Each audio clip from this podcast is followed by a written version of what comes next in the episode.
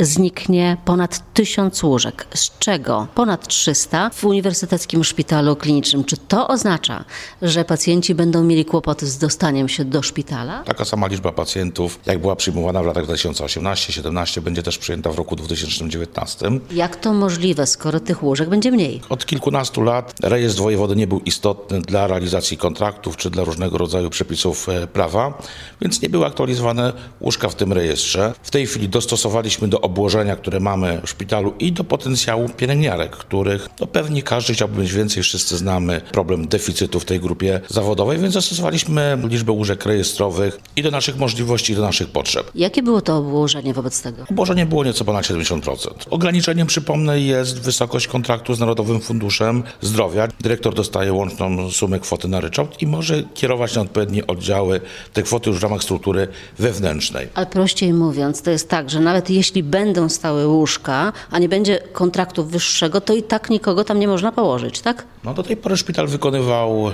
kontrakt na poziomie 100-102% przyznanej kwoty ryczałtu. Dalej taką kwotę będzie wykonywał. Za tym wykonaniem kwotowym kryje się odpowiednia liczba pacjentów. Jak przyjmowaliśmy w lokalizacji przy ulicy Borowskiej ponad 65 tysięcy pacjentów, planujemy przyjąć przynajmniej tyle, ponieważ mamy pewne plany dotyczące zwiększenia naszej aktywności głównie w obszarze chorób serca, ponieważ nastąpiło zwiększenie potencjału e, szpitala i też rejestru wojewody trzeba umieć dobrze czytać. Do tej pory mieliśmy jeden oddział, w tej chwili mamy duże centrum chorób serca, oddziały kardiologiczne dwa, jest przesunięcie w e, obszarze pacjentów diagnozowanych do kardiochirurgii właśnie w obszarach łóżek kardiologicznych. Muszę to wyjaśnić, bo tak, w rejestrze, w tym zestawieniu widać, że w oddziale kardiologicznym znikają łóżka, że w oddziale kardiochirurgii też znikają łóżka, ale to nie znaczy, że tych łóżek nie będzie, tak? Jest to związane z przejściem kliniki, która funkcjonowała na bazie obcej Uniwersytetu Medycznego wraz z kilkudziesięcioma pracownikami, lekarzami, profesorami w strukturze naszego szpitala. Rozumiem, że w sferach dla pacjentów kardiologicznych ta sytuacja może się poprawić. Natomiast e, na oddziale czy w klinice chorób wewnętrznych, tam tych łóżek zawsze brakowało. W momencie, kiedy znikną kolejne, tam sytuacja może być trudniejsza. Oczywiście, że tak, dlatego że od paru lat wiemy, że łóżek najpierw brakowało około 150, potem około 200, ale to nie jest problem jednego szpitala. To jest problem wieloletni wszystkich szpitali i ich współpracy między sobą. Jeżeli szpitale będą realizowały to, co mają zapisane w kontrakcie z Narodowym Funduszem Zdrowia, jeżeli będziemy realizowali wymogi ustawowe, czyli każdy z nas w trybie emergencyjnym, jak podjedzie karetka, będzie pacjentów przyjmował, a nie przepychał w inne obszary, myślę, że pacjenci powinni zauważyć to jako pozytyw. Ja mogę na własnym przykładzie zwrócić uwagę na to, że 3-4 lata temu, 5 lat temu kilkanaście karetek na podjeździe Soru. Co zrobiliśmy? Wspólnie z wojewodą zainwestowaliśmy w przebudowę funkcjonalną szpitalnego działu ratunkowego. Utworzyliśmy oddzielną strefę dla pacjentów, którzy przychodzą sami, nie podjeżdżają karetkami, ale jest asymetria, bo jeżeli w poszczególnych dniach do nas przyjeżdża 60 karetek, a do innego szpitala 30, to u nas będzie kolejka, bo nie jesteśmy w stanie utworzyć drugiego czy trzeciego soru. Jak już pan wywołał ten SOR, panie dyrektorze, to wiadomo, na SORach sytuacja jest trudna. Na wszystkich SORach, nie tylko tutaj. Pacjenci czekają po 5, 6, 8, 10 godzin. Z tego rejestru też wynika, że tam też zmniejsza się liczba łóżek. O jedno łóżko tak naprawdę, ale trzeba pamiętać, że jeżeli szpitalny udział ratunkowy, to on nie pracuje łóżkami, tylko stanowiskami. Problemem jest oczywiście nocna świąteczna opieka zdrowotna, problemem jest brak dostępu do specjalistycznej opieki ambulatoryjnej. To są te rzeczy, które potem obrazują się bardzo dużą ilością osób na szpitalnych oddziałach ratunkowych, które mają problem, żeby się tam dostać do lekarza. I taka jest prageneza tego, że SORy są ostatnią deską ratunku, wtedy, kiedy mamy poczucie zagrożenia zdrowia i życia. I trzeba ludzi zrozumieć, bo gdzie mają pójść. Natomiast też trzeba zrozumieć nas, szpitale i szpitalne oddziały ratunkowe, że nie jesteśmy w stanie w trybie natychmiastowym przyjąć tych chorych, którzy powinni być w innych obszarach systemu opieki zdrowotnej. To ciągle mam wrażenie, że się nie zmieniło niestety, że nie wszyscy pacjenci, którzy przychodzą do SOR-u, rzeczywiście tam powinni przyjść. Statystyki są znane. 70% pacjentów nie powinno być na szpitalnym oddziale ratunkowym, tylko ci, którzy tam są i szukają jako ostatnie deski ratunku pomocy w ratowaniu własnego zdrowia, powinni być zabezpieczeni albo przez ambulatoryjny system specjalistyczny, albo przez podstawową opiekę zdrowotną, albo w systemie planowym leczenia a czekają na przykład 6-9 e, miesięcy w kolejce do, do specjalisty, więc przychodzą w sobotę i w niedzielę, robią 5, 6, 8 godzin czekania sobie, ale dostają diagnostykę.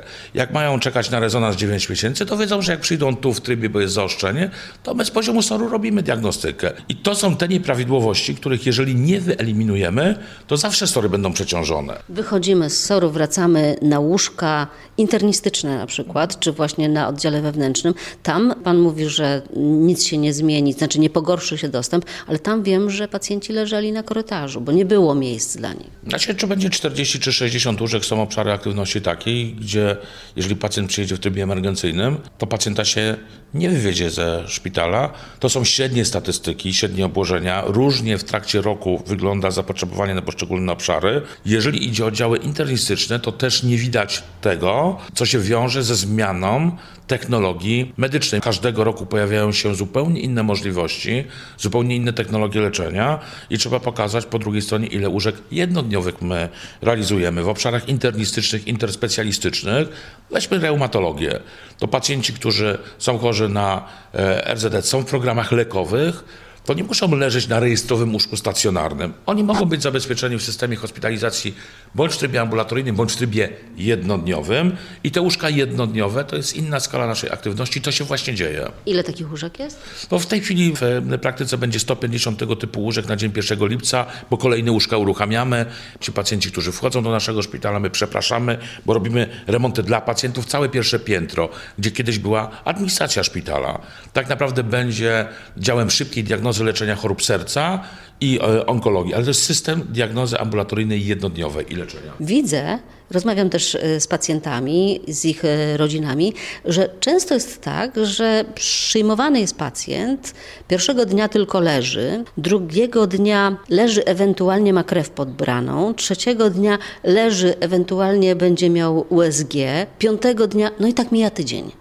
Ja publicznie od paru lat głoszę tezę, że 40% pacjentów w polskich szpitalach nie powinno leżeć na łóżkach, tylko powinny być zabezpieczone w systemie jednodniowym. I ograniczeniem jest poza samą sprawą wewnętrzną, organizacyjną poszczególnych szpitali, sposób finansowania. My o tym głośno mówimy. Jako dyrektor mówię, że często, gęsto pacjent leży, bo inaczej się go nie da rozliczyć.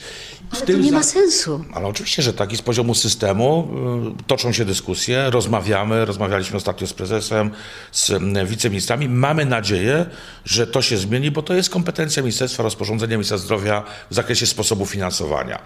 My robimy wyprzedzającą zmianę organizacyjną szpitalu i liczymy na to, że to finansowanie rozsądne, optymalne, takie, które powinno w tym kierunku się przesuwać, w Polsce będzie się e, przesuwało. Taki krok zrobiliśmy parę lat temu na klinice ginekologii położnictwa. Szybki e, dział diagnostyki perinatologicznej, żeby pacjentka nie musiała leżeć tygodnia czasu, żeby jej zrobić KTG, USG, badanie e, fizykalne, czy jakieś badania dodatkowe, które można jej wykonać na przestrzeni 5-6 godzin przy prawidłowej organizacji pracy.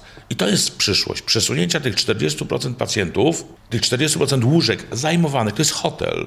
Szpital to nie jest łóżko. Szpital to blok operacyjny, to lekarze, pielęgniarki, inne zawody medyczne, to technologia, którą szpital dysponuje, sprzęt, aparatura medyczna, leki, które może dać pacjentom. I jeżeli my potraktujemy, że szpital to jest służenie pacjentom w najlepszym możliwym zakresie, to ja powiem tak, często łóżko chorego i ten hotel może być dla pacjenta niekorzystny. Zakażenia wewnątrzszpitalne, chociażby ta konsekwencja. To wizji i strategii Szpital idzie w tą stronę. W rejestrze ja pragnę uspokoić wszystkich pacjentów. Nic fizycznie nie likwidujemy. Dostosowujemy do obecnie obowiązujących przepisów prawa, bo rozporządzenie weszło 1 stycznia i łóżka rejestrowe nabrały zupełnie innego znaczenia prawnego. Wcześniej nie było to tak istotne. Ostatnie zdanie jeszcze wytłumaczmy, dlaczego ten ruch, skąd te znikające łóżka w całym regionie, bo tysiąc łóżek mniej. To jest tak, że to ma związek z liczbą pielęgniarek. No to ma związek z rozporządzeniem i z przebudową i ze zmianą podejścia do norm zatrudnienia pielęgniarek w kategoriach jakości procesu leczenia. Czyli? Do 31 grudnia szpital spełniał wszystkie warunki, ponieważ tak naprawdę personel zatrudnialiśmy na chorego, który był w szpitalu i jego bycie, jego stan, czy, czy był ciężkim pacjentem, czy był lekkim pacjentem, decydowało to, ile tego personelu powinniśmy mieć. Dodatkowo, poza samymi paniami pielęgniarkami, ustawa dopuszcza i daje nam możliwość zatrudnienia, i tych osób jest dużo w szpitalu, ratowników medycznych, którzy się świetnie zajmują pacjentami, opiekunów medycznych. Czyli to są w końcu też salowe, które uczestniczą w procesie pielęgnowania chorych. Rozporządzenie tych wszystkich grup zawodowych nie ujmuje. Pielęgniarka ma mieć nie więcej niż trzech pacjentów pod opieką. Nie pacjentów, panie redaktor. Przepraszam. Normy pielęgniarskie są na łóżka. Rozporządzenie mówi, jaki współczynnik pielęgniarek szpital ma zatrudniać na liczbę łóżek. Dlatego dyrektorzy dostosowują łóżka. Wiążemy to z ilością pacjentów, stąd to obłożenie, które do tej pory było obserwowane, zostało zaktualizowane u wojewody, bo No, ale to zatrudniamy... dość absurdalne właśnie. Znaczy, no, pewnie nie pielęgnujemy łóżek, bo ciśnie się na usta, czy my pielęgnujemy łóżka. Nie. I staram się pokazać te łóżka, na którym faktycznie leży statystycznie pacjent i to stanowi tą normę. Stąd te ruchy, ale to nie jest tak, że szpital się zmniejsza. No, dostosowaliśmy po prostu pod względem formalno-prawnym bardzo ważną cyfrę w rejestrze, zderzając, że ta liczba łóżek jest niejako zbieżna z liczbą pacjentów, którzy w szpitalu przebywali. No bo jeżeli mam mieć pielęgniarki w przeliczniku na łóżko, no to za tym łóżkiem powinien się kryć pacjent, bo przecież nie leczymy samego pustego łóżka, tak?